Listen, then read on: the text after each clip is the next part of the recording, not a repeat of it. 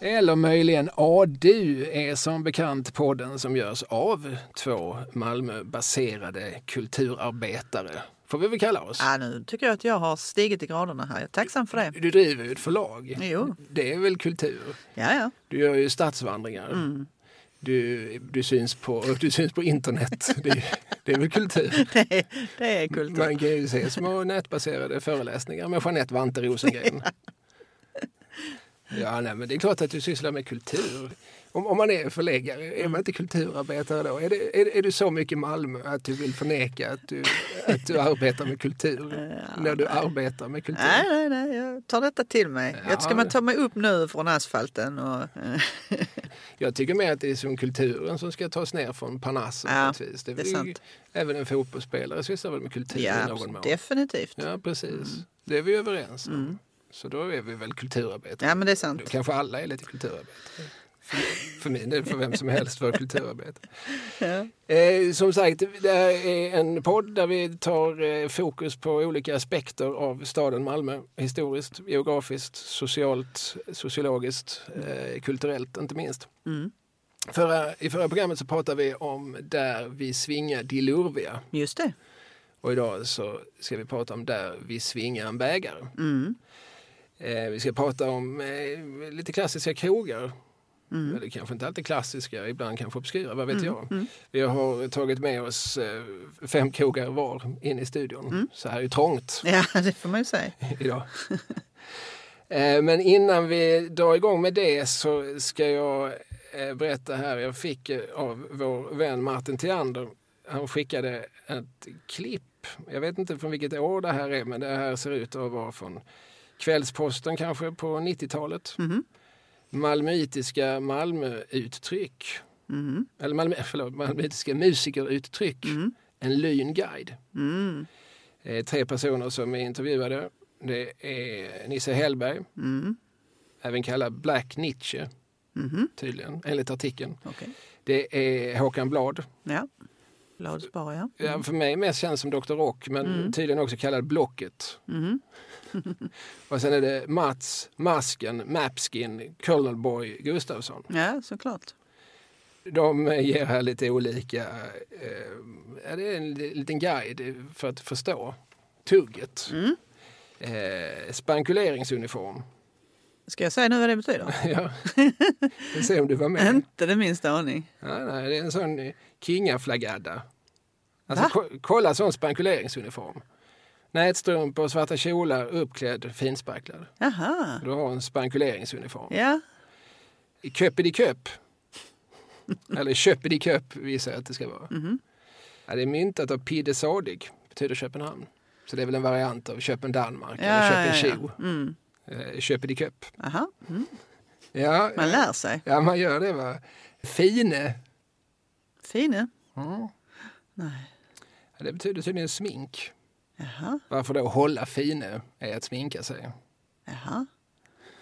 Nu känns det som att jag har levt i en helt annan, ett, land med ett helt annat språk. Ja? Ja, precis. Eh, fusa Nej. betyder vi drar.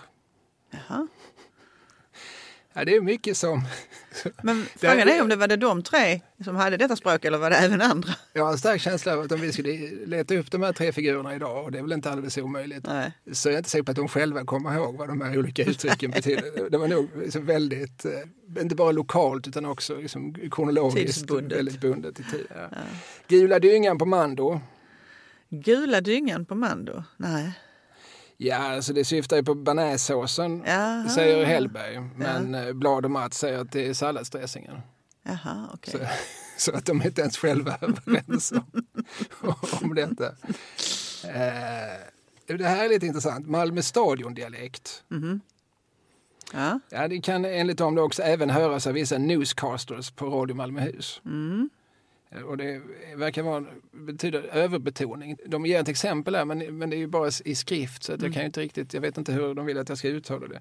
Kirseberg ställer upp med följande lag. ja, men det där känner jag igen, för jag är ju lite speaker ibland. Ja, man får en, Då säger man så. FC Rosengård ställer upp med följande laguppställning. en särskild Ja, eh, betoning när man ja det pratar. får man faktiskt. Ja. Alltså en lyn känner vi ju till. Ja, Det betyder cool. ja. Sen så har eh, Stefan Ahlqvist tydligen myntat begreppet hoj Ja. istället för hej. Stefan Ahlqvist känd från problem. Mm. Eh, vi kan hålla på, det är ganska långt här men, men eh, bränna tid. ja. Klyda till det eller? Nej, det är inte samma. Nej, utan nästan tvärtom. Gå till verket. Nu, nu, Aha. nu skrida till verket. Okej. Nu kör vi igång. Nu, nu bränner vi tid. Mm. Ja. Nu, så det, jag kan tänka det mig att man säger det här i, i logen. Liksom. Ja, nu går vi ut och bränner tid. Mm, mm, mm. Nu går vi ut på scenen. Uh, Ja. tyder bakfull. ja, jag tänkte det är väl sånt de stöter ur sig klockan 07.00 när de har varit ute hela natten. Ja, och sen vi, vi slutar med den här då. Det här är helt obegripligt. Gud loss på en fege. Det betyder ordagrant då Jocke bjud på en cigarett. Alltså Jocke är alltså då Joakim Roke Mm. som kallas för Gud. Ja, Så. Gud loss på en fege. Fege är då cigarett. Mm. När det handlar om cigaretter är det bara prins som gäller. En rege är röda prins, halvfege är vita prins. Okej. Ja, Nu vet du det. ja. Ja, det här var ju oerhört Det- bildande. Nu ska jag ta på mig min spankuleringsuniform känner jag. Bra för dig att veta om Mm. du skulle råka hamna i Malmös rocksväng någon gång typ 93-94. Då vet du exakt vad du ska säga nu. Precis. Det hänvisas ju mycket till sådana människor som Lotta Love och så i, Ja, ja. i det här samtalet. Ja, det kan jag tro. Mm. Och eh, Eddie Nyström och Ja. den generationen av, Mm. av eh, rockers, fjällis. Och, Ja, du vet. Ja, det här var bara en liten uppvärmning. För jag, jag blir glad. Jag tackar för detta Martin. Du får gärna skicka mer som du har i byrålådorna. För jag vet att du har ett och annat. ja, det har han. Ja, har du podd? Eh, vi fick ett mejl från min moster som eh, ville försäkra sig om att eh, om man swishar att eh, pengarna kommer även Vante till dels. Det var en rar moster du har. Hon är mycket rar. Ja. Hon är mycket älskvärd. Ja. Eh, om man då alltså swishar 123 052 1088 så står det Kalle Lind kulturarbetare. Mm. Men vi ser ju till att de pengarna fördelas broderligt och systerligt. Det kan jag garantera din moster Ja. att så är fallet. Det tycker jag låter bra. Eh, 123 052 1088 om man vill liksom eh, stödja oss ekonomiskt tillfälligt. Vi har ju också sån här Patreon. Då kan man liksom prenumerera. Det är som att prenumerera på en tidning eller prenumerera på... Mm. Men det är ju som högst frivilligt men, men såklart eh, oerhört eh, tacksamt. Eh, då går man in på något som heter patreon.com och så letar man upp ADU-podd i ett ord med två D. Patreon.com. Och Swish, så har man, känner man så, vänta jag har ju 200 kronor för mycket på banken. Mm. Herregud. här- Det händer ju. det- det- Folk har det. Ja, jag, har hört det, jag har Mm. förstått det. Jag har sett den här serien Exit. Där finns det människor som har väldigt mycket, för mycket på banken. Mm. Men har man det så kan man ju då alltså liksom bara snabbt gå in på Swish och så skriver man 123 052 1088. Mm. Och så får man då hemskt gärna också berätta vad det är man betalar för. Just för att, eh, då kommer liksom Skatteverket och Ja, det var, här är bara pengar, vad är det här för pengar? Precis. Det är tydligen sånt de tycker att de har rätt att veta. ja. ja de, I, I sossarnas förbannade Sverige. nej, men rätt ska vara rätt så att jag tycker vi ska vara noga med det där. Ja, Ja. jag håller väl kanske med dig. Nåväl, det var det om detta. Nu ska vi på krogrunda. Ja, vad härligt. Var ska vi börja? Vi, som sagt, vi har några stycken var här. Mm. Ska vi börja med det sorgliga? För att det är ju lite aktuellt. Ja, det kan vi göra. Eh, alltså i dagarna här har vi nått av ett dödsbud. Mm. Staffan Asker har lämnat det jordiska och eh, Staffan eh, han drev ju eh, fem olika krogar i Malmö under en lång period av år. Mm. Sammanlagt alltså. Och var en stor kulturprofil. Han drev ju inte bara krogar och lagade mat. Han var ju också musiker och spelade Saxofon? va? Ja precis och, och revyer och sånt där tänkte jag. Han, eller de satte upp alla möjliga kabaréer och sånt där på krogarna som han drev. Mm. Och han började sin krogkarriär med Chess Olga Ja, som låg i Pildammsbacken. ja precis där som nu finns något som heter Bloom in the Park. Precis. Mm. Och det, det är inte så hemskt länge sedan Alltså det har ju varit under min tid i Malmö som det fortfarande hetat, åtminstone stått Chess Olga Ja, absolut. på skylten. Men, men eh, jag har ju förstått att det här var ett mycket större fenomen förr än vad det är nu. Alltså det, mina föräldrar och så hade någon sorts relation till Chess Olga. Mm. 1970 startar han Chesolga och då anställer han för övrigt en man. Mm. Eh, För han, behöver, han satsar ju på en eh, fransk-inspirerad meny sådär med Mm. vitlökssniglar och sånt som ju var oerhört piffigt och radikalt och spännande och exotiskt 1970. Väldigt nyskapande. Ja. Och då eh, värvar han en fransktalande personal som, eh, som heter Alain Lemaire. Mm. Och de blev ju sedermera kompanjoner på en del av de här krogarna. Just det. Också han eh, sorgligt bortgången för något år sedan. 2019. Ja, ja. Och, eh, och så, så vissa av de här krogarna, La Couronne, hade Mm. de väl kanske tillsammans. Precis, och La Petite France på eh, Kalendergatan. Just det. Mm. Och sen så hade Lemaire ihop med någon annan det som heter Le Coeur, Ja, just det, på Södergatan. Ja. hjärtat. Ihop med en man som heter Ness Becher. Ja. Men det här är som två eh, stora eh, krogprofiler som under en lång räcka år eh, har varit eh, eh, spindlar i det malmöitiska krognätet Mm. och eh, som det är många, många, många som känner att de står i tacksamhetsskuld till. Det är många, många Ja, krogar. Det är, sådär, det är Ja. många barn som har blivit gjorda tack vare de här två herrarna. ja, men det är jag helt övertygad om. Ja, jag vågar nästan slå fast det som ett faktum. Ja. Ja, men då, de sammanförde ju också stora delar av eh, kulturmalmö i tider när det inte kanske fanns eh, många andra scener heller som Ja, det, Möllan. Tänkte, jag har ju den som en av mina, det kanske ja, du precis, också det har. har jag också. Ja, ja, ja. Så att, eh, Ja. det kanske inte blir tio krogar, men det blir å andra sidan mycket om de vi har. Ja. Eh, nej, precis. Restaurangmöllan Mm. är ju ett av Staffan Askers verk. Ska vi börja på Möllan? ja, men det tycker jag vi gör. För att eh, där Men du, kan vi börja, börja innan det blev Möllan då? var det så att det hette samma sak som det här berömda journalisthaket i Stockholm. Tennstopet. Ja, det har det ju hetat. Ja, Det har det. Det har också hetat Rödlöken. det är ett bra namn. Ja, det är ett fantastiskt namn. Man tänker att idag så, så hade man ju, hade en restaurang hetat Rödlöken så hade man vetat att där kan jag ju få en, en ärtbiff. Alltså det låter Ja, som ett, ett veganskt ställe. vegohak. Ja, absolut. Det var det ju absolut inte på den här tiden som Nej, när jag- det hette Rödlöken. Det var svårt att tänka med det. Jag har mycket svårt att tänka att man kunde få någonting som var vegetariskt. Där. Jag tror inte ens de hade rödlök. Nej, det tror inte jag heller. Men jag tänkte faktiskt om man, om man nu öppnar med, med tiden innan, innan Staffan Askers entré där och går tillbaks i tiden till ja, kanske 50 och 60-talet så har Bo Widerberg som ju är en person som vi har pratat om Oh ja, Här, det har ett helt gjort. avsnitt till och med. Ja, faktiskt. Om hans eh, filmer. Och det är väl ofta så när man pratar om Bo Widerberg att, att man kommer in på filmerna och sen så kommer man in på anekdoterna och man kommer in på... Ja, han eh, hade väl perioder av, eh, av mani Mm. och eh, då gjorde han knasiga saker som är roliga att återberätta. Vad man ofta glömmer bort är att han faktiskt var en, en etablerad romanförfattare Mm. innan han gav sig in på, på filmscenen.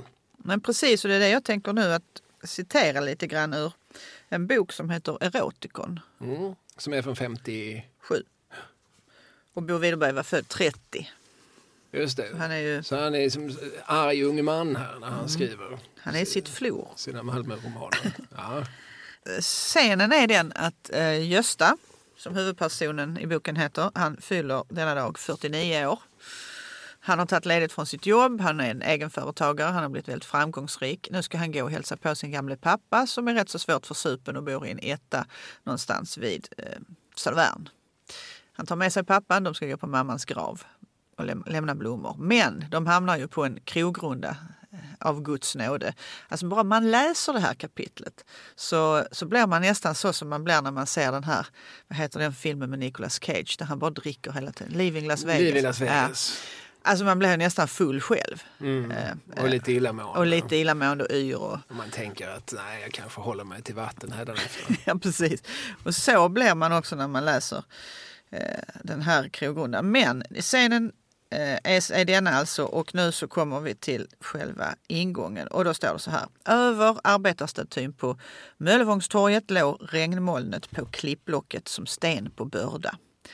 Utanför Rödlöken, sa han, just alltså, kan man få något att äta där inne? Ja, om det passar dig så, sa hans far. Brunkål och korv. Det skulle smaka bra, jag har gått och blivit hungrig. Efter sin far gick han upp för trappan. Ja, du får ju inte förvänta dig första klass, sa den gamle när de kom in bland borden. Ja, det duger, sa Gösta och slog sig ner på en stol. Fadern stod kvar på golvet och spanade med blicken runt lokalen. Nej, Larsson är inte här heller, sa han och satte sig. Larsson var alltså en som var skyldig pappan pengar. Ut ur köksutrymmet kom en tanig kvinna fram till dem och torkade bordsskivan med en trasa. Bakom henne stod dörren till skrubben öppen. Gösta skymtade en röd gasslang och en panna på gasköket. Var det i den hans korv höll på att koka? Får jag bjuda på en öl till korven, sa han och beställde innan fadern tackat ja. I lokalen fanns två biljarder. De satt vid den yttersta. Vid den andra var det ett parti igång. Runt bordet uppförde de båda spelande, den ene i chaufförmössa, sin långsamma dans i sitt letande efter rätta läget för stöten. Gösta satt och väntade på sin korv och lyssnade till ljudet av de korta krockarna. Ja, och sen flyttar de dit och sen så fortsätter de att dricka och äta sådär. Men det är liksom en eh, miljöbild tänker jag från hur det såg ut på Rödlöken. Det låter som ett eh, andra klassens sak. Mm. Eh, ja men ett, ett precis. Ett ölschapp. Ett ölschapp. Kvinnor gjorde sig nog inte riktigt besvär där om man inte jobbade där. Om man inte var en så kallad subba. Ja, och hur var, var det? Ja men det är ju alltså ordet subba mm. så, som ju idag används eh, enbart som ett allmänt eh, nedsättande ord för kvinnor. Men det är ju från början just alltså krogservitriser på, på tredje klassens ölhallar. Så, där. så kallade man dem för subber? Ja, det var, det var, mm. och jag vet inte om det egentligen var så nedsättande i sig. Eh, men, sen, men eftersom det var ett det var ju ett lågstatusarbete mm. så togs det väl därifrån till att kastas liksom på. Och förmodligen så var väl en del av de kvinnorna eh, hade väl ett rykte om sig kanske att vara antingen eh, ha flabben med sig mm. och eller lätta på foten. Mm. Och, och liksom utifrån det så, så blev liksom ordet någonting som man kastar på kvinnor man av någon anledning mm. blir irriterade på. Mm. Ja. ja, där ser man. Så är det. Mm. Rödlöken figurerar ju också i en, eh, ja åtminstone ett, men säkert flera avsnitt av MP Möller. Det heter alltså fortfarande på 70-talet Rödlöken? Ja, det vet jag inte riktigt när det där namnet byttes, men eh, själva stället i sig, alltså lokalen finns ju med där i den här, det är berömd scen när Jan Malmsjö och har tagit med Nisse på MFF-match och mm. ja, du vet, ska skryta om den där matchen ja. när det gick så bra. Just det. Han dödade dansken. Mm.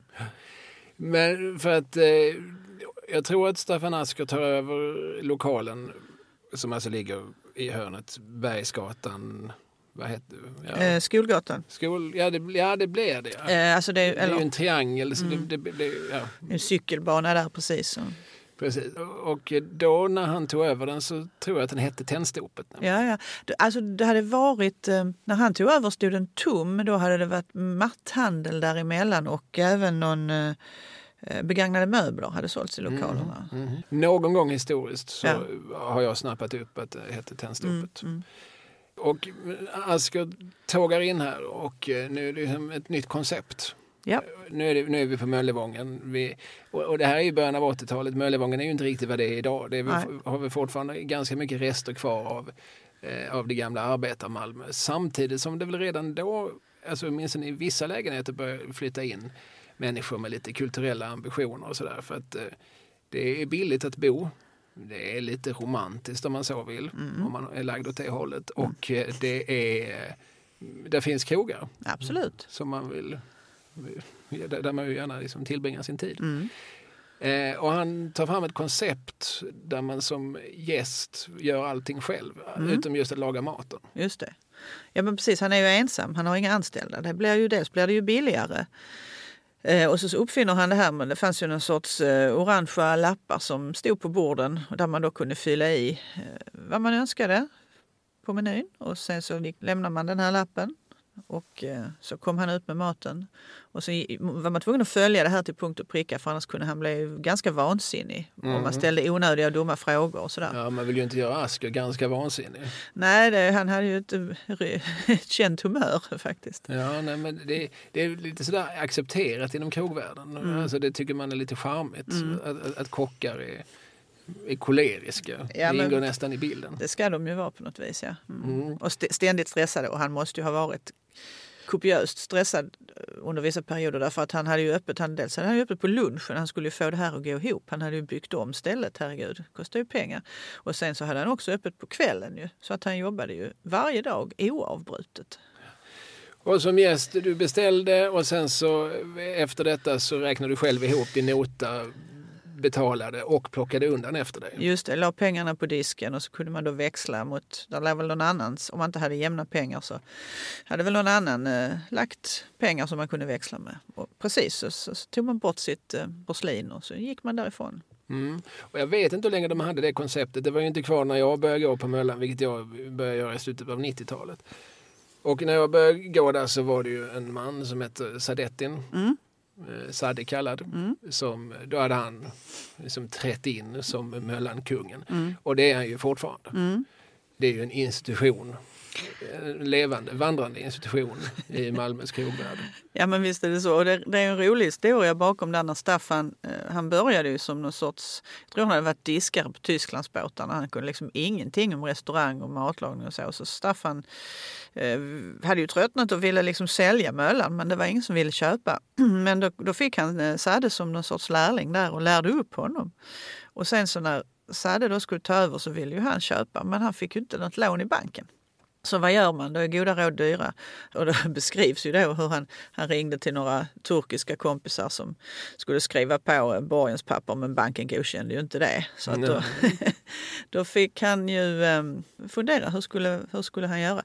Då träder det in några hjältar på banan och en av dem är Fredrik Gerten. Mm. En annan är Staffan Viktorin. Precis, och den tredje är Staffan Asker själv. Och dessa tre går i borgen då eh, för Sade så att han kan köpa möllan. Och Fredrik Gerten, nämnd många gånger här, han var ju på den här tiden väl journalist på Arbetet. Mm. Och eh, Staffan Viktorin likaså. Han var mm. kåsör i min barndomsarbetet. Ja, precis. Han hade, och de bodde både, Staffan bodde precis runt hörnet där på Skolgatan och Fredrik bodde väl kanske redan då på Möllevångstorget tror jag. Mm. Så de hade väldigt nära till krogen. Och vi får väl tänka oss att de var lite stammisar där sen innan. Det tror jag. Så att de låg nära till hands och fråga. Mm. De var rent fysiskt tillgängliga. Precis. Grabbar, nu när ni ändå sitter här, Ja. skulle inte ni bara kunna skriva på det här pappret? Jag tror de hade varit och, och, på banken och skällt lite på bankmänniskorna där för att de inte gav Sadde chansen liksom riktigt. Och då tyckte banken, ja men då kan väl ni skriva på. Vilket de gjorde. Ja. Och eh, alla människor som driver krog har samma fras som de ofta återkommer till. Mm. Det går inte att driva en krog lagligt i Sverige. Nej, just det. Och sen så får man själv läsa in en massa undertext i det. Ja. Så jag har ingen aning om hur bra Möllan går. Men under de år som jag frekventerade Möllan så, så bidrog jag ju med en betydande del av mitt studiebidrag. Ja, men det, och det, ja, det har jag också gjort där faktiskt. Det, lite, jag började där i mitten på 80-talet och eh, på, fortfarande på de här lapparnas tid. Eh, men eh, jag tror också att det här sköttes. Man kan ju tänka sig när det är ett sånt system att folk kanske skulle försöka glida ut utan att betala. Men jag undrar om det någonsin var någon som gjorde det. Det fanns ju säkert med i kalkylen att det är klart att några kommer att utnyttja detta. Mm. Men eh, de flesta, alltså de flesta ser det som ett förtroende. Ja, precis. Det är ju samma när man är ute och kör och det står som jordgubbar 20 kronor, lägg, lägg 20 kronor i, Just det. eller nu för tiden står det väl swisha. Ja, Mm, Jag tror att eh, en absolut majoritet Mm. gör det. det tror jag också. Också lite grann, om, om det nu inte är liksom moralen som talar så tror jag man har liksom någon slags känsla av att det kanske sitter någon kamera här någonstans. Ja, just det. Alltså nu, det, Titta sig omkring. Ja, det är väl någon sån drönare om inte annat. Och vad är liksom grejen med Möllan? Alltså första gången man kommer dit, man, alltså jag hade ju någon sorts föreställning om vad Möllan var. Jag hade ju läst om det i, i arbetet då. Där ju två av delägarna, eller två av borgenärerna skrev regelbundet. Eh, och eh, jag, jag visste inte riktigt vad det var jag skulle förvänta mig men jag kom in och tänkte det här är väl en krog liksom. Mm.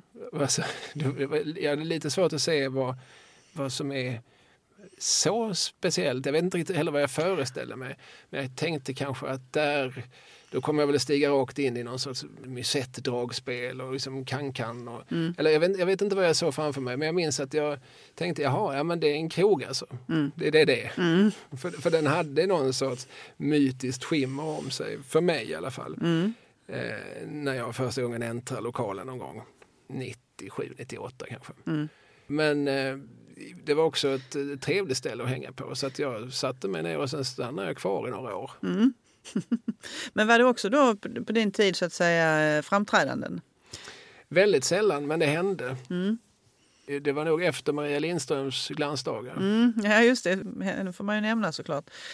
Hon var ju en av dem som, eh, alltså Garderobsteatern engagerar ju sig hårt. De låg ju borta på Istadgatan. Och eh, Maria Lindström och Kristina Claesson som ju också var där. Och hennes, ja, jag vet inte om de var gifta då, men Mikael Wiehe och hon har ju, har ju varit gifta. Han var ju också en sån som spelade där och framträdde där med jämna mellanrum. Mm.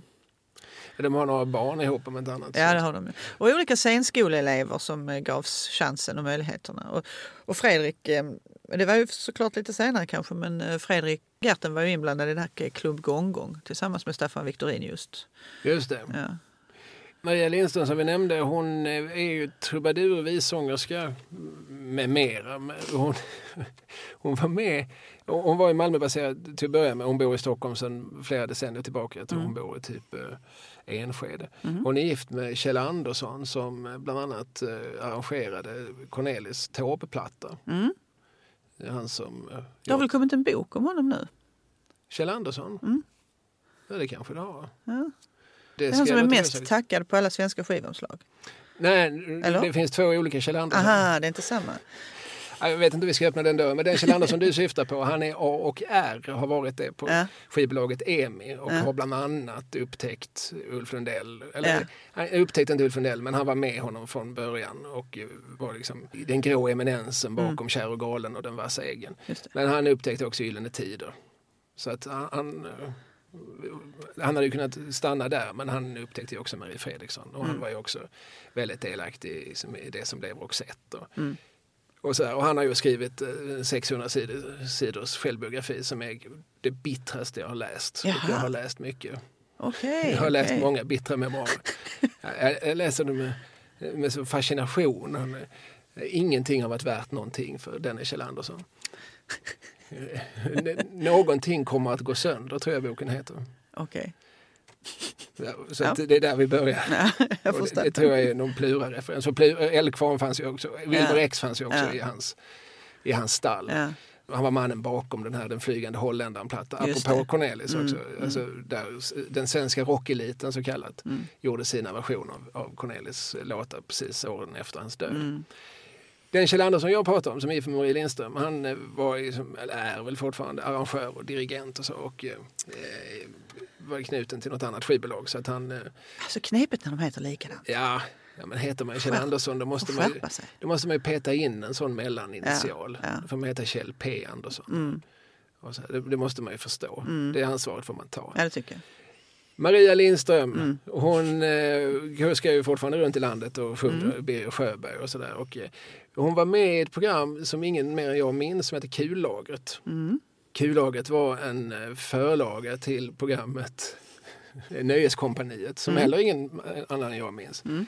Den gemensamma nämnaren för de här båda programmen var att Johannes Brost och Per Eggers var med. Mm. I Nöjes... Vad sa jag nyss? Nöjes... Kompani. Kompaniet, just det. Det var där de sa säg hej till publiken. Ja, hej till publiken. Hej till publiken svarar man där. Alltså, mm. Per Eggers är buktalad docka i Johannes Brosts knä. Mm.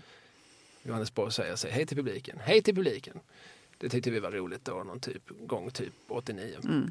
I det programmet som vi gjorde innan dess, som heter Kullaget, där Maria Lindström också var med. Mm. Det var där de sjöng Här kommer de danska soldater med röven full av tomater. Här kommer soldaternas koner med röven full av meloner. Ja. Och Maria hävdar själv att det var hon som eh, gav den låten. Alltså det var en gammal skolgårdsmelodi som hon hade med sig. Mm. Så det var hennes bidrag till, till det, eller ett av hennes många bidrag till det programmet. Mm. Men i förlängningen kanske då till en del av en, en alternativ svensk kulturkanon. Mm. Gjordes andra varianter med franska madammer med röven full av sikumsammer. Här kommer, här kommer de finska soldater. Här kommer soldaternas fruar med väskan full av skråar. Mm. De var inte lika roliga. Nej. Det var ju den danska som var kul. Ja, naturligtvis. Ja. Men hur som helst. Maria Lindström, hon gjorde många enmansshower på Möllan. Ja men det gjorde hon absolut. Helt klart gjorde hon det. Och så spelade ju eh, Staffan själv, han, han, eh, det var så roligt för att han hade ju ingen eh, direkt förhållande till musik egentligen har han själv sagt. Ehm, han, han jobbade ju så himla mycket under han skrev Beatles, ja de hörde man väl, men Stones, jag kan kanske bara nämna fyra, fem Stones-låtar för att allt det där passerade förbi medan jag jobbade. Menar han. Mm. Så kom han på vid något tillfälle att han eh, ville lära sig spela saxofon och köper en saxofon. Och detta är när han har möllan. Så medan, eh, mellan lunchen och, och middagen, när det är några timmar där, när det är tomt i lokalen, då ställer han sig där och, och tränar och, på sin sax. Tutar lite. Tutar lite, för där stör han ju inte så många. Och på det sättet lärde han sig eh, ja, spela sax och blev sen en, en cool jazzkatt och Ja, spelade i flera olika. En man som förstod att fylla sin tid. Ja, det får man ju säga. Det, det får man faktiskt. Han var i rörelse oavbrutet. Mm. Och Möllan har väl också någonstans varit i rörelse oavbrutet även om de kanske de sista 20 åren har de ju haft sitt koncept och det har fungerat väl. Och, eh, Nya generationer möllaniter har kommit dit och gjort det till sitt och jag har träffat många människor som hävdar att eh, ja, men jag har ju haft Möllan lite grann som mitt kontor. Eh, Det var där man satt så behövde man inte ha mobil. Visste Nej. folk vad, vad, de hittade med. Ja men det är så kan jag tänka mig. Att- Och sen är det väl också lite spännande tycker jag när man var lite yngre. Det var ju faktiskt ett ställe där olika, ja men naturligtvis journalister och kulturarbetare samlades. Men det kom ju också lite kända personer då som var eh, skådespelare. Och, ja, jag minns en gång särskilt så satt jag vid ett bord och åt middag och vid bordet bredvid satt Marika Lagerkrantz och Kerstin Thorvall. Mm. Eh, Och jag kan säga att jag la inte mycket intresse åt mina, min Och dina rätt klyftpotatis. åt min klyftpotatis utan jag försökte, ja. Vad pratar de om? Eh, jag minns inte det nu men jag tror, sen visade det sig att kort därpå så var de med i samma tv-program så att det var säkert någon, eh, ja, de pratade upp sig inför det. Ja, just det. Nej, För att hon... Kristoffer Barnekow bjöd ju gärna in Marika Lagercrantz när han hade sina Sommarnattens skeende. och så. Han gjorde ju i början av 90-talet Mm. såna här talkshows i sommar, sommarkvällen. Just det. Så det kan ju ha varit... Mm. Sån, där minns jag nämligen att han hade med Marika Lagercrantz och envisades med att kalla henne Marika. Jaha, gör han det? Ja, Ulrika. Ja. Mm. det, detta om detta. Eh, Jan Sigurd och Anna-Lena Brundin har ju också gjort lite sådär franska Mm. shower på, på Möllan i alltså relativt modern tid. Ja, absolut, ja. Eh, hon sjunger ju Piaf, det har hon gjort sedan 80-talet. Mm. Och, eh, han eh, har ju såklart en relation också till den franska kulturen. Så Mm. de, de, de satte ihop flera, flera olika sådana här små minishower Mm. som, där de liksom anpassade sig väldigt mycket efter lokalerna de var i. Just det. De var ju också på, på Översten. Ja. Och Översten på Kronprinsen. Den kanske du har med på din lista? Eh, nej. Nej, då kan vi avhandla Översten här. Som en restaurang högst uppe på Kronprinsen som ju är väldigt mycket 60-talsinstitution. Mm. Så, och det här, det här kanske var tio år sedan när Mad Men var en stor grej på Just tv. det. Just det. Så då hette ju deras föreställning Anna-Lena med man. Just det. Alltså var det skrivet i samma, med samma typsnitt Mm. på affischerna. Precis. Och så var det väl någon sorts eh, hommage eller som en, en nickning till en sorts 60-talskultur och en 60-talsestetik Mm. i själva föreställningen. De gjorde också ett countrypar som de också runt på olika countryfestivaler och sjöng. Och, ja, de var väldigt bra på att eh, liksom, eh, ta fram olika koncept som går att applicera på olika sammanhang. Ja men absolut, jag såg dem bara för något år sedan på ett annat eh, obskyrt tak som är ganska roligt, nämligen Fregatten vid Värnhemstorget. Ja, just det. Där man serverar i huvudsak polsk mat. Och där det finns ett, ett visst eh, sjötema, ett visst maritimt Mm, tema på inredningen och så. Just precis. Och det är ganska brunt. Ja, ja. Både mat och inredning är ganska brun. Det är många nyanser av brunt i. Mm. Mm. Fregatten omnämnd av Thåström ju för. Just. I en av hans sånger. Mm. Som Körsbärsberget när det blommar. Eh, Som fregatten ett stenkast därifrån.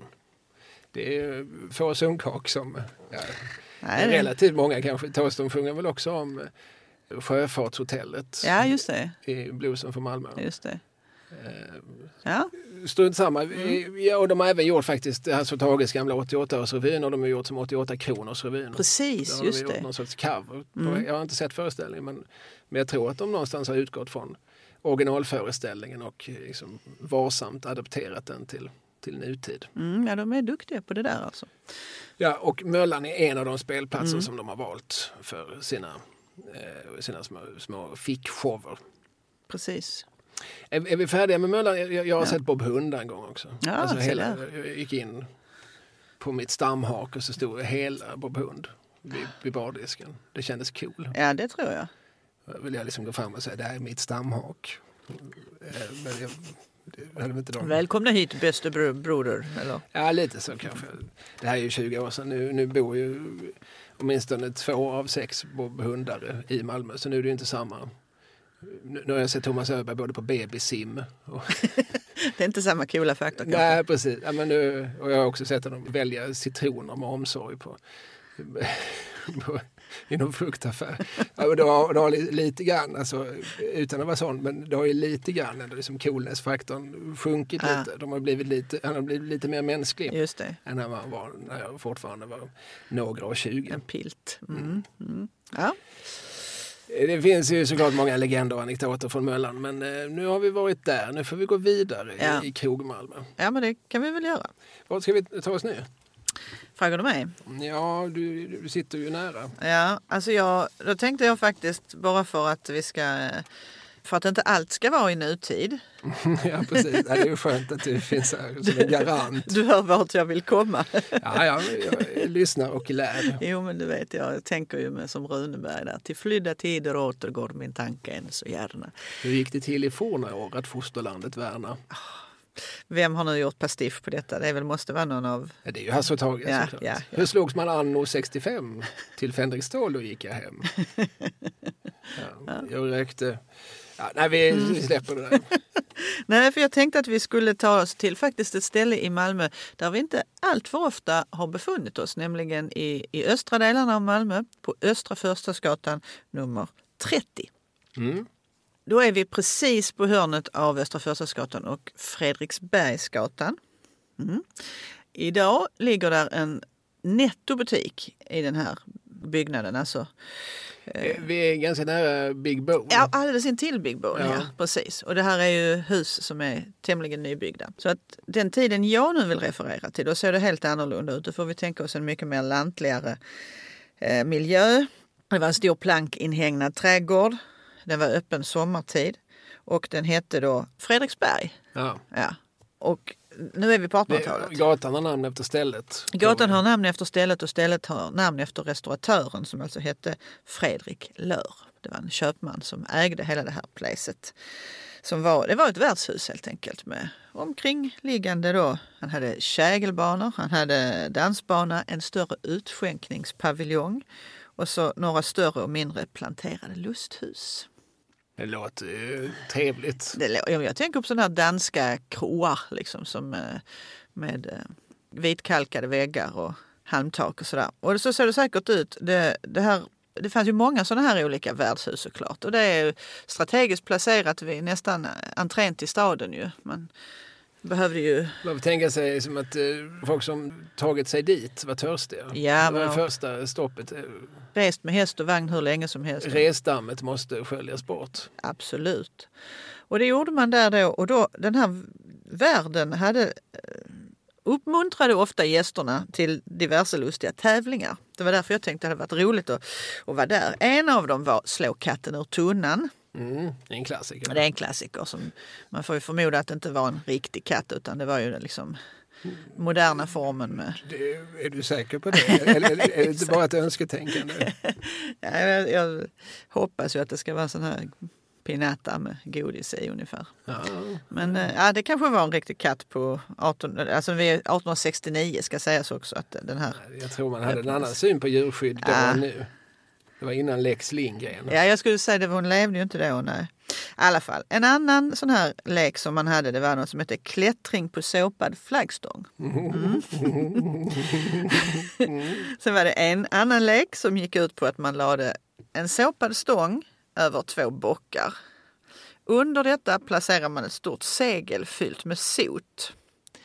Och då skulle den här lindansaren då ta sig från ja, den ena änden till den andra naturligtvis.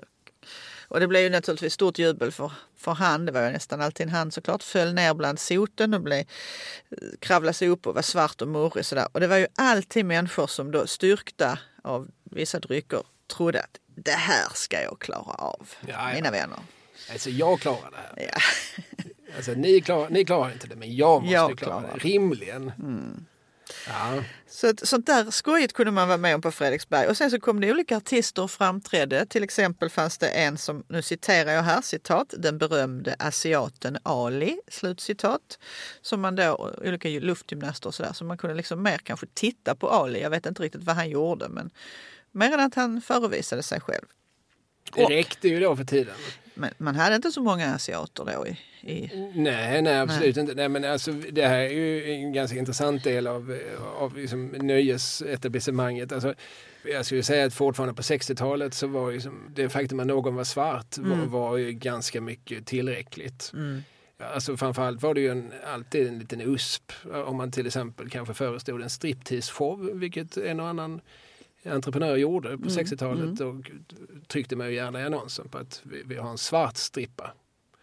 Aha, ja, ja, det, och, och Ernst Rolf hade ju en av sina 20-talsrevyer så hade han ju en, en, svart man. Det var det som var attraktionen. Ja. Som, som var hans, och så som agerade betjänt då mm. på scenen. Där mm. finns ju också en otroligt obehaglig historia om att han i samma show hade en en australiensisk eh, simhopperska. Mm. De hade byggt upp en stor, stor bassäng på vad det här kan ha varit då, på Berns eller så, eller något numera rivet tak i, i Stockholm. Mm.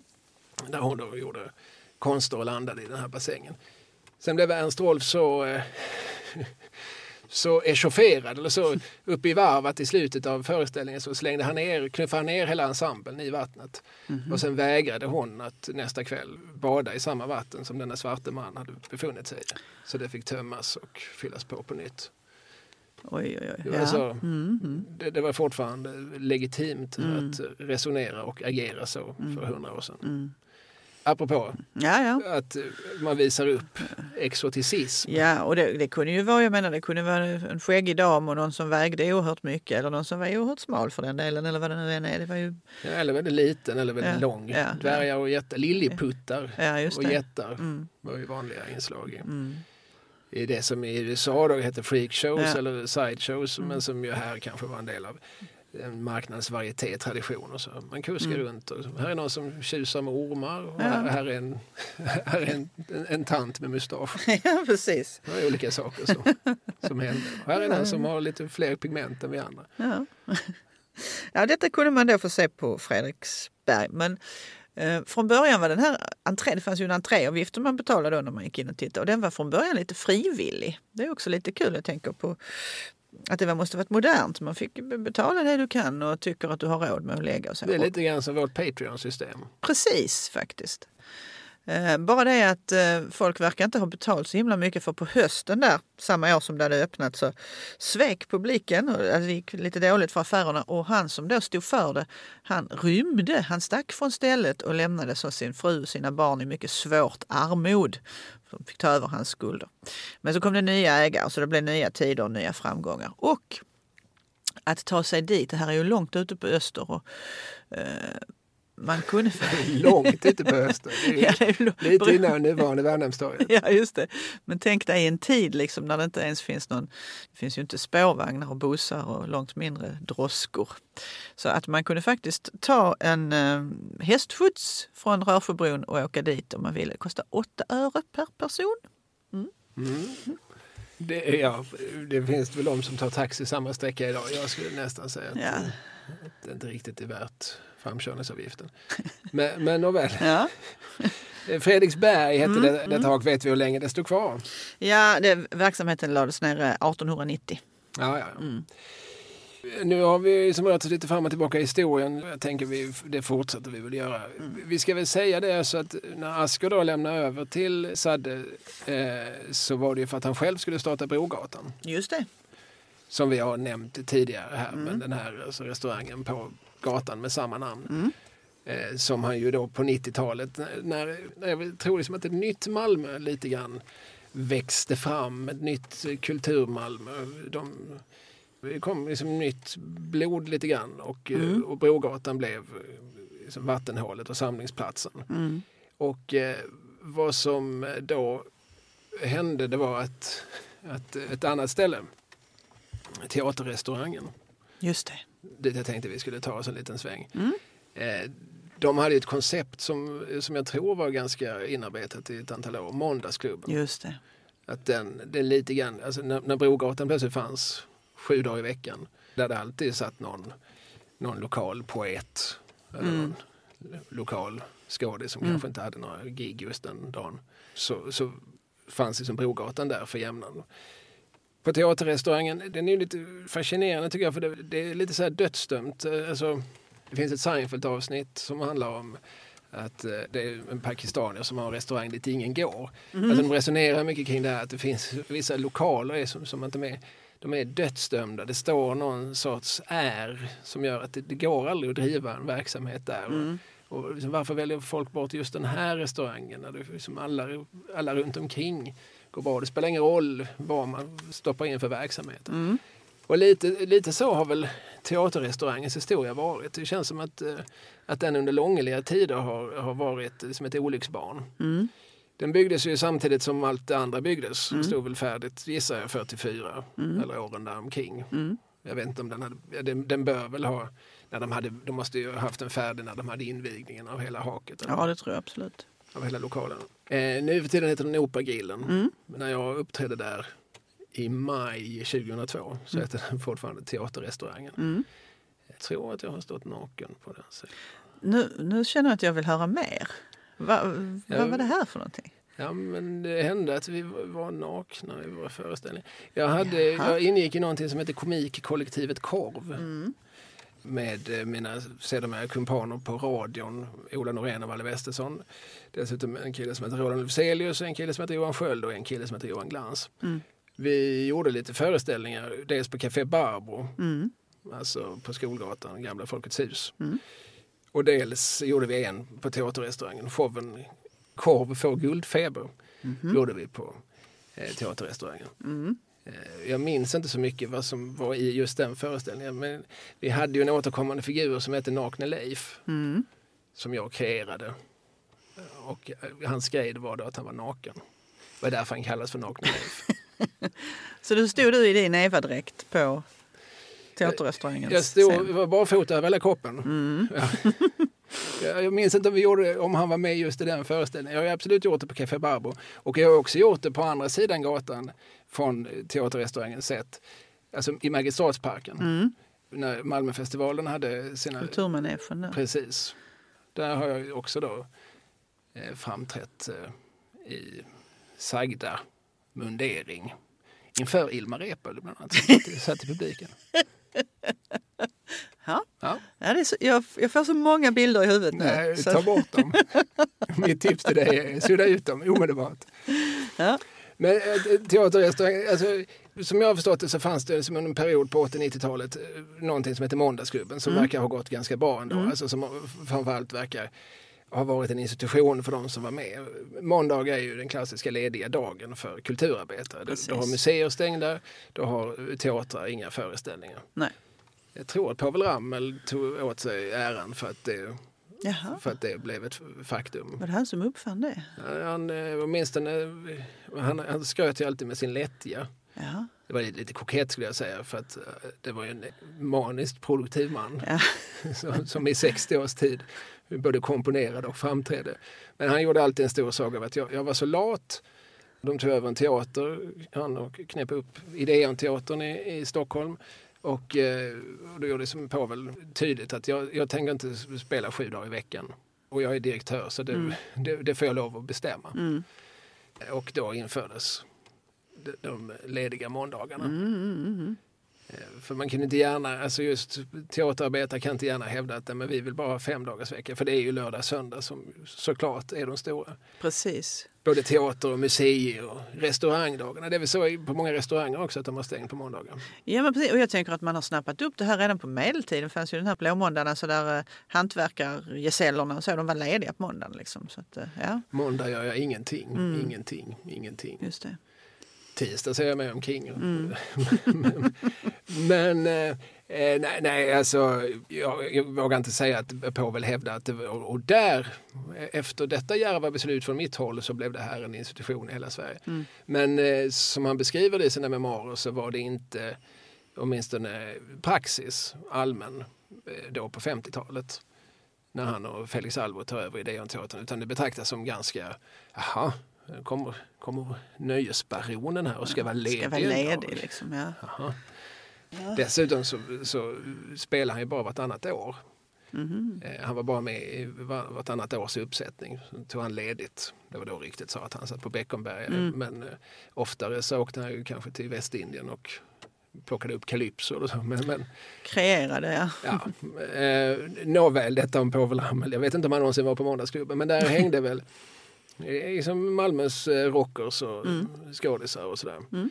Just på måndagar. Eh, Och det drevs ju på 80-90-talet av olika eh, Marianne Mörk har ju drivit det vet jag. Ja, tillfälle. och även han som hette, hette, he- heter gissar jag, Håkon Svensson. Mhm. Som var skådespelare vid Malmö Stadsteater som jag minns från en serie som vi har nämnt tidigare som heter Kuriren. Mm. Som numera lär ligga på SVT Play igen förresten. Mhm. Jo, Som Jan Hemmel gjorde på 80-talet. Där denna Håkon Svensson spelar en av huvudrollerna. Mhm.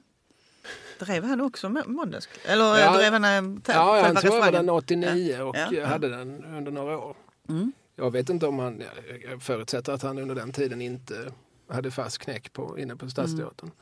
Men, men eh, historiskt verkar det ha varit så att det har gått ganska bra med något koncept en viss period men sen så har det liksom på något vis alltid eh, liksom slutat med att nej det gick inte den här gången heller. Nej, nej. Mm. Och eh, strax efter att vi spelat där då i maj vill jag minnas 2002 så lades den också ner och stod tom rätt länge därefter.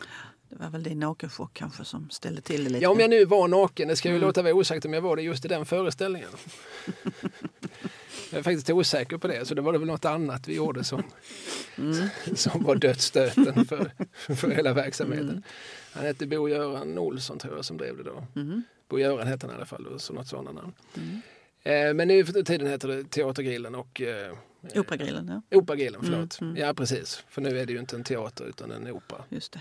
Men det är lite synd på något vis. Alltså det är ju en väldigt, eh, ska man säga, det är ju en 40-tals arkitektonisk pärla. Ja, ja, ja, den är ju fantastisk. Alltså man går in där, toaletterna är ju, men dörrar och allting är original. Det är ju helt, eh, ja, den är ju verkligt speciell, lokalen. Och därför tog jag upp det lite grann som ett exempel på, ja men här har vi som en, någonting som, som alla känner till. Alltså alla vet ju, om man säger Operagrillen så fattar ju folk vilket som åsyftas. Och idag hoppas jag att de har, nu är, det ju, nu är de ju stängt på grund av corona. Mm. Eh, och det har nog gått ganska bra för dem åren precis här dessförinnan. Men eh, historiskt har det liksom varit ganska långa perioder som jag förstår det, som den verksamheten har legat nere. Alltså även när det har gått bra för teatern och så här, Mm. så har, eh, är det många som ändå har känt att ah, men, jo, teater i all ära men eh, ska man då dessutom gå ut och äta fint då blir det dyrt. Mm. Då blir det dyrt. Mm. Nej, då äter, då äter vi en bit Då hemma. äter vi hemma innan vi går dit. Ja. De, de har ju luncher också. Som eh, jag tänker att de... eh, Ja, nu är det kanske lite oklart läge med det, men som annars också är lite mer exklusiva och lite drar mycket folk som jobbar i området. Så. Ja, precis. Men just det här, alltså jag tror att när man byggde det så tänkte man förmodligen att eh, dit kom, så går man dit efteråt. Då, då går man och tittar på Glada änka med Gabi Stenberg och eh, Per Gundén. Och sen så glider man förbi och äter en så kallad teatersupé. Ja, just det. Det var ju liksom verkligen en del av en sorts eh, bo- borgerlig kulturvana. Att, eh, Helgkvällsupplevelse ju. ja, precis. Och då, för att, eh, eftersom foajén också var en sorts spelplats, där visar man ju upp sin nya närts. Eh, Sin nya, alltså där visar ju damerna upp sina senaste inköp. Alltså man gick ju lite grann och visade upp sig för varann. Mm. Alltså det är Malmö som rörde sig visar ju upp sig för varann. Så här har det ju verkligen varit på Dramaten till exempel i Stockholm. På, I Stockholms eh, övre medelklasskultur. I Malmö inbillar jag mig att den övre medelklassen var inte så stor. Eh, Nej. utan eh, här satsar man ju ganska mycket på ett, eh, på ett program med väldigt mycket musikteater och operett. Alltså folklig. Folkligt. Mm. Och, och de människorna som då skramlade ihop till en teaterbiljett de kände väl att där fick det vara bra. Precis. Sen så, Mat, mat har vi hemma. ja, Mm. där har vi ju pantoflor och Mm. kanske kyd. Precis. Eh, Det fanns ju en sån här, nu bara kommer jag inte ihåg vilken. Ah, Det är en rätt så rolig historia om just den här teaterrestaurangen när någon ur cirkus, kan det vara fru Bronnet, alltså Käthe Bronnet som kom dit. François mamma. Ja, precis. Som eh, kom dit och stövade sin man, som man sa. Alltså, mannen hade någon otrohetsaffär med någon annan kvinna och hon eh, eftersökte dem och tar dem på bar gärning liksom, medan de äter en supé just där och hon går in och dänger väskan i huvudet på dem. Han satte sig ändå på så publikt ställe. För att det där jag menade var ju lite grann en display. Mm. Väl, alltså, så- är det ju tänkt med den sortens. Jag jag började måla upp det här att man först var liksom foajén och sorts uppvisningsarena. Sen gick man in i salongen och sen så tittade man på GB Stenberg. Men sen så gick man ju ut och, sen, och så gick man ner på teaterrestaurangen och forterade sig och, och visade upp sig. Mm, just det, just det. Och min poäng här var att jag, i Malmö kanske det var så att den, den lilla delen av samhället som kunde göra så här, det räckte kanske till premiären. Ja, Och visst. en, två föreställningar Ja, till. Men ja. sen så var det inte riktigt påfyllning av, av nya människor som Nej. hade något, någon ny päls att visa upp. Nej, nej, men det äger säkert sin riktighet. Mm. Jag noterar att du säger Bronnet. Mm. Det, är det en historia du har fått av Tony Rodin? Ja men exakt, det är ju han precis, han är min sagesman. Nu kommer jag dock inte ihåg om det var, eh, jag liksom ska vara lite, jag ska be få kolla den här historien först innan jag, Nej, det kan ha varit någon annan. För Det, det är nämligen bara Tony Rodin som ju är, som en del i den stora eh, cirkus och eh, som artistsläkten Rodin som har funnits i Malmö i många tider.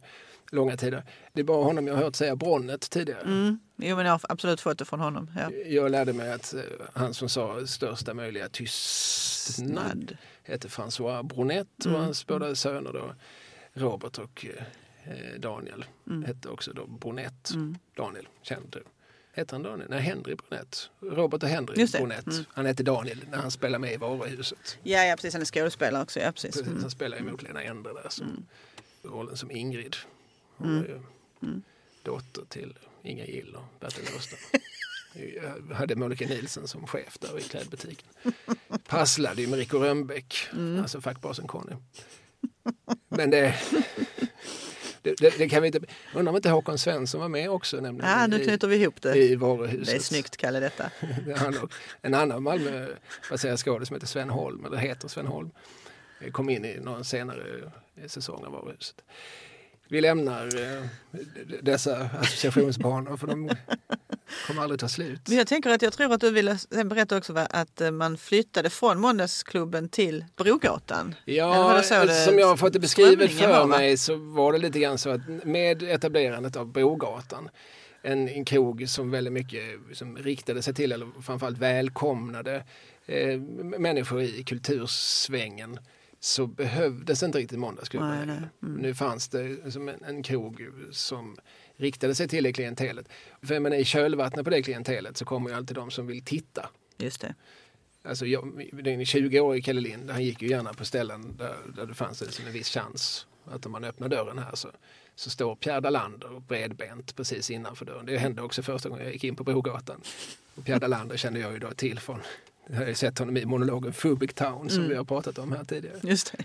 Och han spelade även för övrigt August Palm i Malmö-tv-serien Mäster Palms äventyr, Mm. som vi också har pratat om tidigare. Och som, ja, precis. Som också ligger på Play, va? Ja. Mm. Så att det, många trådar knyts ihop här. Mm. Mm.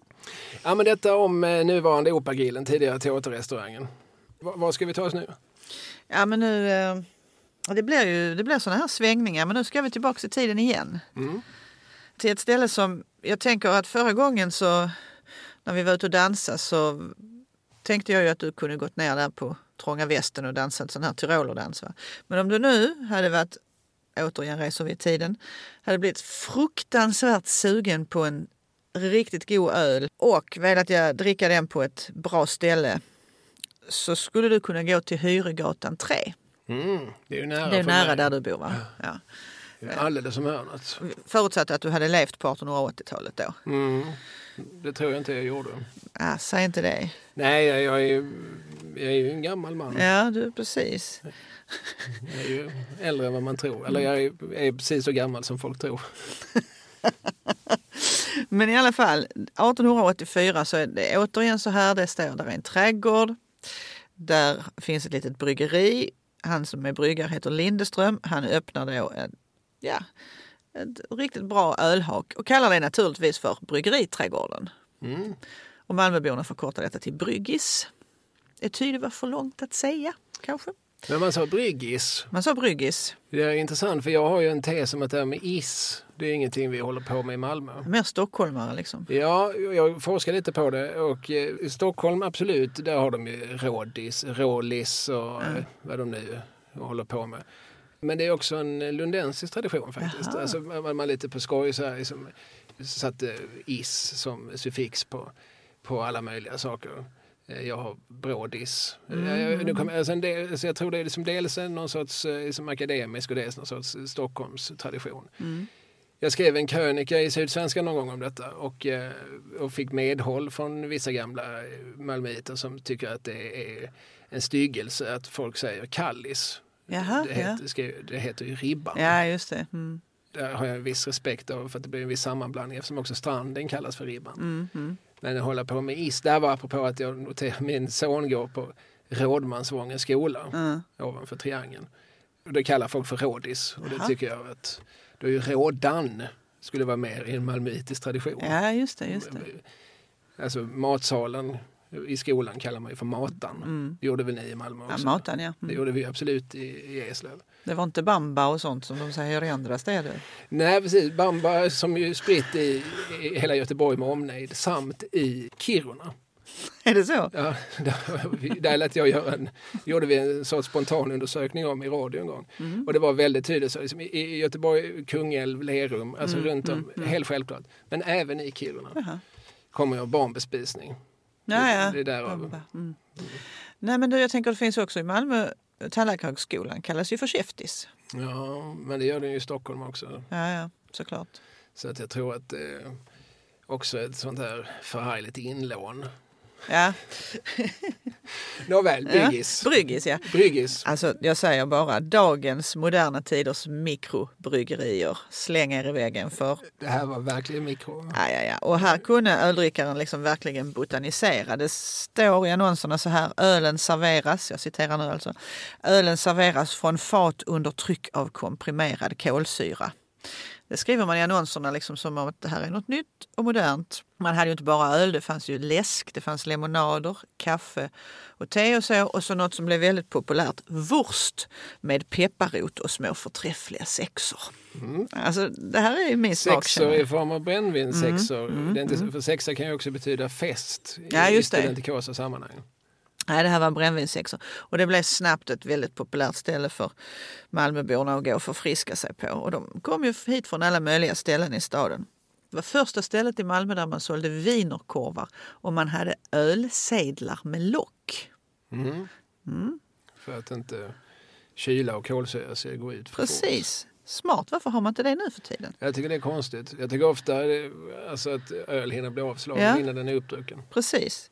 Ja, i alla fall. Och det var låga priser. Dessutom invigde man då också en eh, varieté och konsertsalong. Och det här stället tog alltså 750 personer, så det var många som fick plats. De fick också vinrättigheter. Och nu kommer det verkligen fina artister som framträder här medan du och jag sitter och dricker varsin öl. Sen byter det namn under en kort period till Victoriateatern. Man ska inte blanda ihop det då med ett annat etablissemang på Södra Förstadsgatan. Eh, Men sen så byter det tillbaks till Bryggis igen. 1890 så kommer det en stor stjärna hit och framträder. Sigge Wulf. Mm. Kristianstads finest. Just precis. En av de största stjärnor Sverige har haft. Mm. Faktiskt.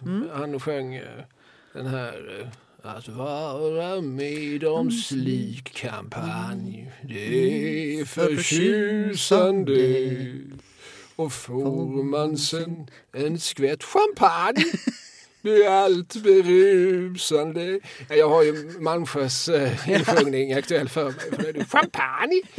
Eh, Sigge Wulf, han, han, han var så fruktansvärt stor. Han dog som 22-åring i, i tuberkulos. Men han, alltså, typ sista året av sitt liv så kom han till Stockholm, möttes som en hjälte där som gjorde som otroligt snabb karriär. Eh, han gjorde sjöng den här också, Kalle P. Vill ni se Kalle P? Det var de två. Och så gjorde han, alltså han han framträdde som så kallad grill-Janne, Mm. alltså dåtidens stekare. Jag gjorde lite grann en parodi men också han var ju också ganska tjusig i sin, sin lite för långa rock och sin lite för korta käpp. Mm. Och vad, nu, vad som nu utmärkte grillhjärnen. Eh, och, eh, och efter sin död så ställdes han ut man gjorde en vaxdocka av honom på Jaha. det som hette Panopticon som var som typ Madame Tussauds i Stockholm. Med, Mm. Där hans mamma sålde hans kläder till Panopticon för en ganska hög summa. Mhm. Så att hon fick lite hon kunde sko sig lite grann på sin sons död. Det låter ju väldigt makabert. Praktiskt. Jag tänkte, vad skulle hon med kläderna till? Ja, precis. Så kan man ju se det såklart. Min kompis Fredrik af Tampan har försökt liksom forska lite grann på vad som hände med Sigge Wulfs vaxhuvud. Eh, för det, sen lades ju Panopticon ner. Och Där ställdes ju massor med så här, liksom ingenjör, man byggde upp ingenjör Andrés ballongfärd och så i, som i naturlig storlek. Och så. Det var ju som ett ställe dit man gick och, och glodde eh, på spektakulära händelser i vaxform. Då. Mm. Men Sigge Wulf, Ja, han, han var en av dem som... alltså. Och det var ju såklart, drog hur mycket, han var ju stor då. Va? Mm. Men bara ett par år senare så var det slut på festandet. För att 1893, vad händer då? Jo, då flyttar Frälsningsarmén in i de här lokalerna. Hmm, där är de ju fortfarande. Där är de fortfarande. Och då, i kvarteret. Ja men det är med i samma lokaler faktiskt. Det här fantastiska, man kommer in där så själva stora salen med scenen, det är exakt, ser exakt likadan ut på, som den gjorde då. De hade ju hållit till på Stora Trädgårdsgatan innan och så flyttar de hit och köper det här. Och då tänker man sig så här att jaha, nu är det ju inte 750 pers som dricker skummade drycker och, och sjunger med på Sigge Wulfs nummer. Då blir det lugnt och stillsamt. Men nej, nej, nej. Nej, Frälsningsarmén vet väl hur man, hur man får till en dänga. Du, det dröjde inte många dagar förrän det kom in klagomål. Signaturen, Vänner av ordning, skriver Ja, det- var han framme redan då? Alltså. 1893 skriver vederbörande i en insändare till Skånska Aftonbladet så här. Kringboende vänner av lugn och ro vilka hoppats att den världsliga variténs utbyte mot en andlig skulle sprida en mera fridfull stämning över nejden hava emellertid råkat ur askan i elden. Ett sådant öronskärande oväsen som exempelvis påskdagen fortgick från tidiga morgonen till sent på natten är något i Bryggis historia oerhört. Å många kringboendes vägnar får vi anhålla att armén hädanefter måtte taga sitt krigsjubel mera piano eller åtminstone när det ska gå löst fortissimo stänga sina fönster. En anmodan hos polismästaren om återupprättande av lugnet i den hårt prövade stadsdelen torde eljest vara nära förestående. Intressant. Mm. Ja, Frälsningsarmén, de, det var, har väl varit deras grej alltid att eh, här, det här är ingen tråkkyrka. Nej, nej. Här har vi gitarrer och strängaspel. Här är det ovan där. Ja, ja, Han har öppnat pärleporten så Visst. att jag kan komma in. Ja. Det är, vilar inga sorger. Nej, och de blåser i alla möjliga... Jag tänker på Hasse Anderssons frälsningssoldat-låt. mm, Han kan Jag spela kom- sig in i himmelen eller sjunga eller vad det är. hans. just det, det här är från höstens sista blommor-skivan. Mm. Mm. Nej, men det, var väl, det var väl deras grej från första början, alltså som någon sorts protest mot eh, det lite för eh, liksom, gråa, tysta, eh, själlösa, glädjelösa som väl fanns i både den svenska lutheranska och den engelska anglikanska kyrkan. Så ville de, vi ska ut i hörnan och vi ska stå liksom, glatt och frejdigt. Förkunna vårt budskap med sång. Mm. Precis, och, men sen budskapet är ju blod och eld. Ja, Så det är ju inte så att, att vi pratar om vilka medhårssmekare som helst. De hade ju som ett eh, salvelsefullt budskap till menigheten. Men det skulle framföras med, och så militära graderingar. Så det är ja det är ju en armé för tusen Ja, jävlar. klart. Ja, ja, Det visst. hör du ju. Ja. Salvation Army. Ja. Ja. Nej, men så där kunde du ha gått om du hade eh, levt i forna tider. ja, som sagt Frälsningsarmén finns ju kvar i samma hus men jag vet inte Ja. om det är samma tryck längre. Jag vet inte det heller. Jag var där bara för eh, något, precis innan pandemin då, på ett studiebesök med mina, eh, ett pensionärsgäng som jag ibland förfogar över. Och eh, då fick vi träffa en eh, oerhört sympatisk man som jobbar, och jag vågar inte säga vilken eh, militär beteckning han har. Om han är officer eller Låt oss major säga eller att han är kapten. general så har vi ju inte förolämpat honom. Nej, precis. Mackan heter han, Mackan Andersson, som är synskadad. Ja, ja, han är ju före detta ståuppkomiker. Eller Han är kanske det fortfarande, men Ja. han har varit väldigt inblandad i, i Mac. Ja. Ma- Mackan var med i Mac, alltså Lena Frisks ståuppklubb. Just det. Och han, eh, ja, han hade en, en, en oerhört eh, inspirerande och trevlig föredragning där och visade runt i lokalerna. Otroligt sympatisk man. Ja, verkligen. Eh, Och de har ett café där också. mm. Man kan gå in, vem som helst kan ju gå in där med pandemiförbehåll såklart. Jag vet inte hur det ser ut just nu men i vanliga fall så kan vem som helst gå dit och, och ta sig en kopp kaffe och en smörgås till en väldigt rimlig peng. Mm, men det är svårt att svinga en bägare. Så Det kan man inte vi, göra. Vi, vi nämner det mer kursivt Precis. i just, den, i just det här samtalet. Ja. Ja, Bryggis, Mhm. det är sorgligt att det inte finns kvar.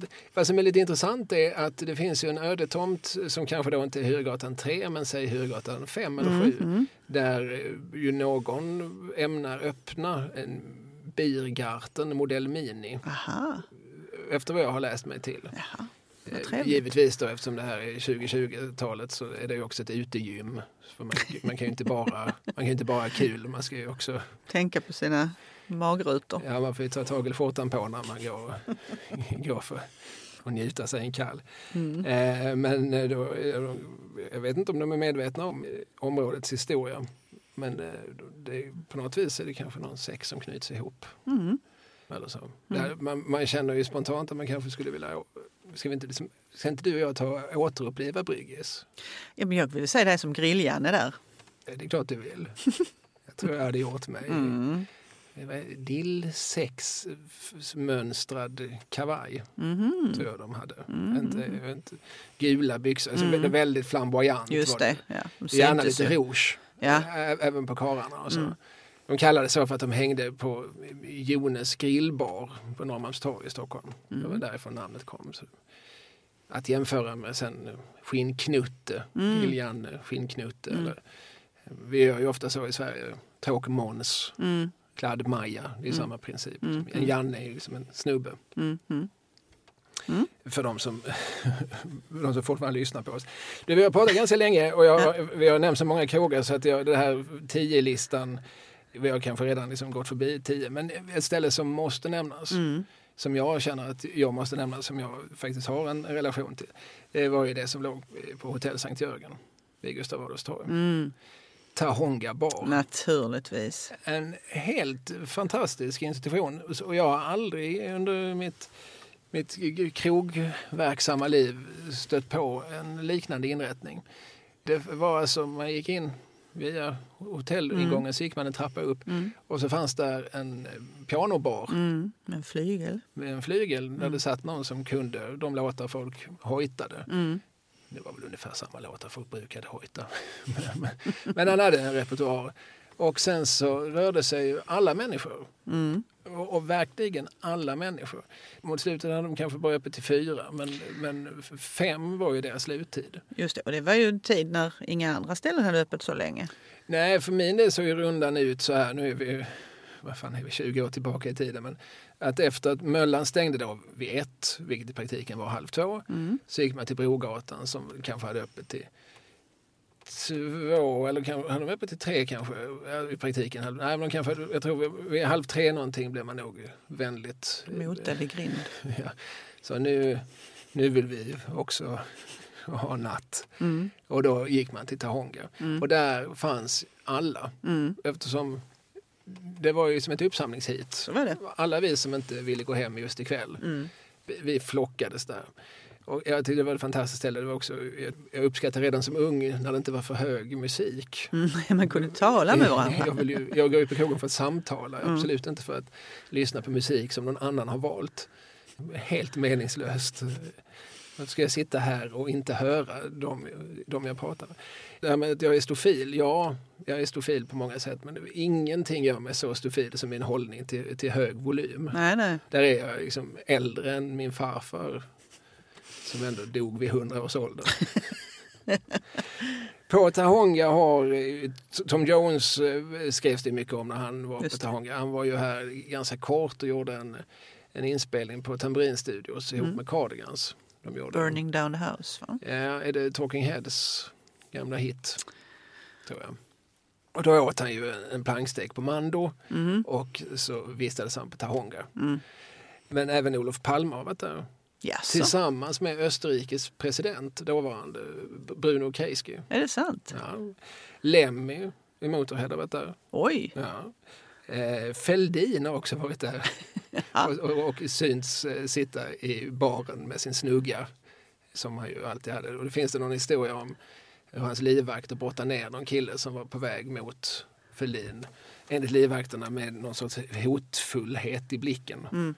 Han ville bara fråga någonting kanske om, om långbänk eller ja. om dag... Vad, vad, betyder det att dagtinga Torbjörn? Kan- Kanske. Men, Utveckla det lite. men, men, eh, så det, det är olika sådana legender från Tahonga. Eh, och där stod ju en, eh, en fantastisk kvinna som hette Donna. Mm, Som var alltså. Wolfgang Jermés fru va? Precis, Donna Jeremias. Precis. Mm, De blev väl ihop bakom bardisken. Mm, För att han, det var han som drev stället, Wolfgang. precis, och han hade hela hotellet också om jag inte minns fel. Och min minnesbild, den kan ju ibland såklart av uppenbara skäl vara suddig just från Tahonga, men det var att hon, var man på Tahonga så stod hon där Mm. fram till 05 i sina så här mångfärgade glasögon. Ja, oerhört uttrycksfull person. Ja. Mm. Syntes på håll. Eh, finns ju också ombesjungna i en sång. Alltså Tahonga finns det Monkey Strikes som heter Cecilia Nordlunds väldigt många bandprojekt. Gjorde en låt som heter Tahonga Takeaway. Jaha, Den slänger vi in på vår Malmölista. ja klart. Om, jag, har inte kollat om den finns på strömningstjänsten men det förutsätter vi. Annars får de ju lägga in det där. Ja, annars är det väl hög tid. Nu har vi ju nämnt den så nu Mm. får det kastas in. Precis. Ja, så Tahonga kände jag att eh, det, det lades ner då eh, 2005. Mm. Eh, och har väl aldrig liksom, fått en riktig ersättare på det sättet. Nu har liksom, ja, vi kan ju säga att se, även sen dess på de 15 år som har gått så har ju Malmös krogliv liksom differentierats och ökats exponentiellt och blivit, fått ännu fler facetter och sådär. Men, men det som var så fint med Tahonga var ju just att eh, där fanns ingen, eh, inga hierarkier, inga, Nej. inga subkulturer. Där träffades alla. Absolut var det så. Eh, Men visst, flygeln, har Cornelius eh, Lövmark. Ja, har man räddat flygeln? Och, Han har låtit flytta. Cornelis Lövmark som är svärson till Julius Malmström som ju då driver Nöjesteatern. Jag tror Cornelis har nog lite ansvar för vissa delar av Nöjesteaterns verksamhet. Och han har låtit ta dit den flygeln, Mm, mm. Tahonga-flygeln, Mm. till eh, eh, något av eh, restaurangutrymmena på Nöjesteatern. Och där sitter ibland Kristoffer Kisse Jonsson Mm. och Mm. eh, kliar elfenben. Mhm. Mm. Kristoffer Jonsson, kulturbarn, eh, Mm. son till Lasse Söderberg och Karin Perrault. Gamla fredagsbarn. Mm. Så att, eh, det är många eh, säckar som knyts ihop på det här sättet. På samma vis som hans föräldrar på 70-talet stod på, på Fredman, Mm. ställe vi har nämnt tidigare, och, Mm. och höll i kabaréer ihop med Jacques Werup och Rolf Sesam. Mm. Eh, sitter nu eh, Kristoffer och spelar på den flygel kring vilken Olof Palme och Bruno Kreisky har, har flockats. Ja, det är fantastiskt. Ja, det är väl stort. Man undrar liksom om Olof Palme lutade sig lite så. Du vet hur han såg ut när han stod i, i talarstolen. Han såg lite sådär slängigt eh, ja, avslappnad ut. Han stod ju inte rakt upp och ner liksom, utan han lutade sig sådär. Ja, Kan jag tänka mig att han har lutat sig likadant mot Tahongaflygen och sagt "Eh, kan du spela Internationalen? Nej men hur han nu pratar. vår politik. Ja. Eh, vi ska inte härma Palme kanske. Det, det är inte på grund av våra imitationer vi, vi sitter här. Nej. Eh, nej men eh, precis, man undrar vad han önskar. Ja. Internationalen ligger ju nära till hands att gissa på. Mm. Ja. Ja, eh, är det någonting du känner att vi ska ha fört i protokollet som, vi, som måste nämnas? För du har ju säkert mer kvar på din lista. Eh, vi, vi har ju hur mycket som helst men det, det kan vi kanske göra någon annan gång annars. Ja, vi, vi har ju sagt att vi ska fortsätta röra oss i Malmös nöjesvärld även framöver. Men kanske då titta lite mer på ställen där det har spelats musik och där det har spelats revy och Mm. operett och så. Mm. Det kommer vi väl att göra i poddarna framöver. Men det är klart att eh, det finns ju många krogar. De Mm. flesta är ju inte nämnda. Nej. Nej, så är det ju. Eh, Men eh, det här var i alla fall någon sorts svep från öster till väster och från 1800-talets mitt till nu. Mm. Så att eh, förhoppningsvis har vi gett någon form av exposé. Vi har, Precis. vi har skapat lite på ytan. Mm. Vi har skapat lite på ytan, så, Så. så. som vi brukar göra. Precis så är det. Jag nämnde där inledningsvis patreon.com. Där letar man upp ADU-podd ett ord med två D. Också så kan man ju då om man vill liksom swi- swisha oss för man tyckte att det här, det här samtalet det var minsann värt sina modiga 7 kronor eller 12. Eh, då är det alltså 123 052 10 88. Har vi sagt vad vi behöver säga för nu då? Så har vi så då. Ja, det gör vi. Skål! Skål! Allt beror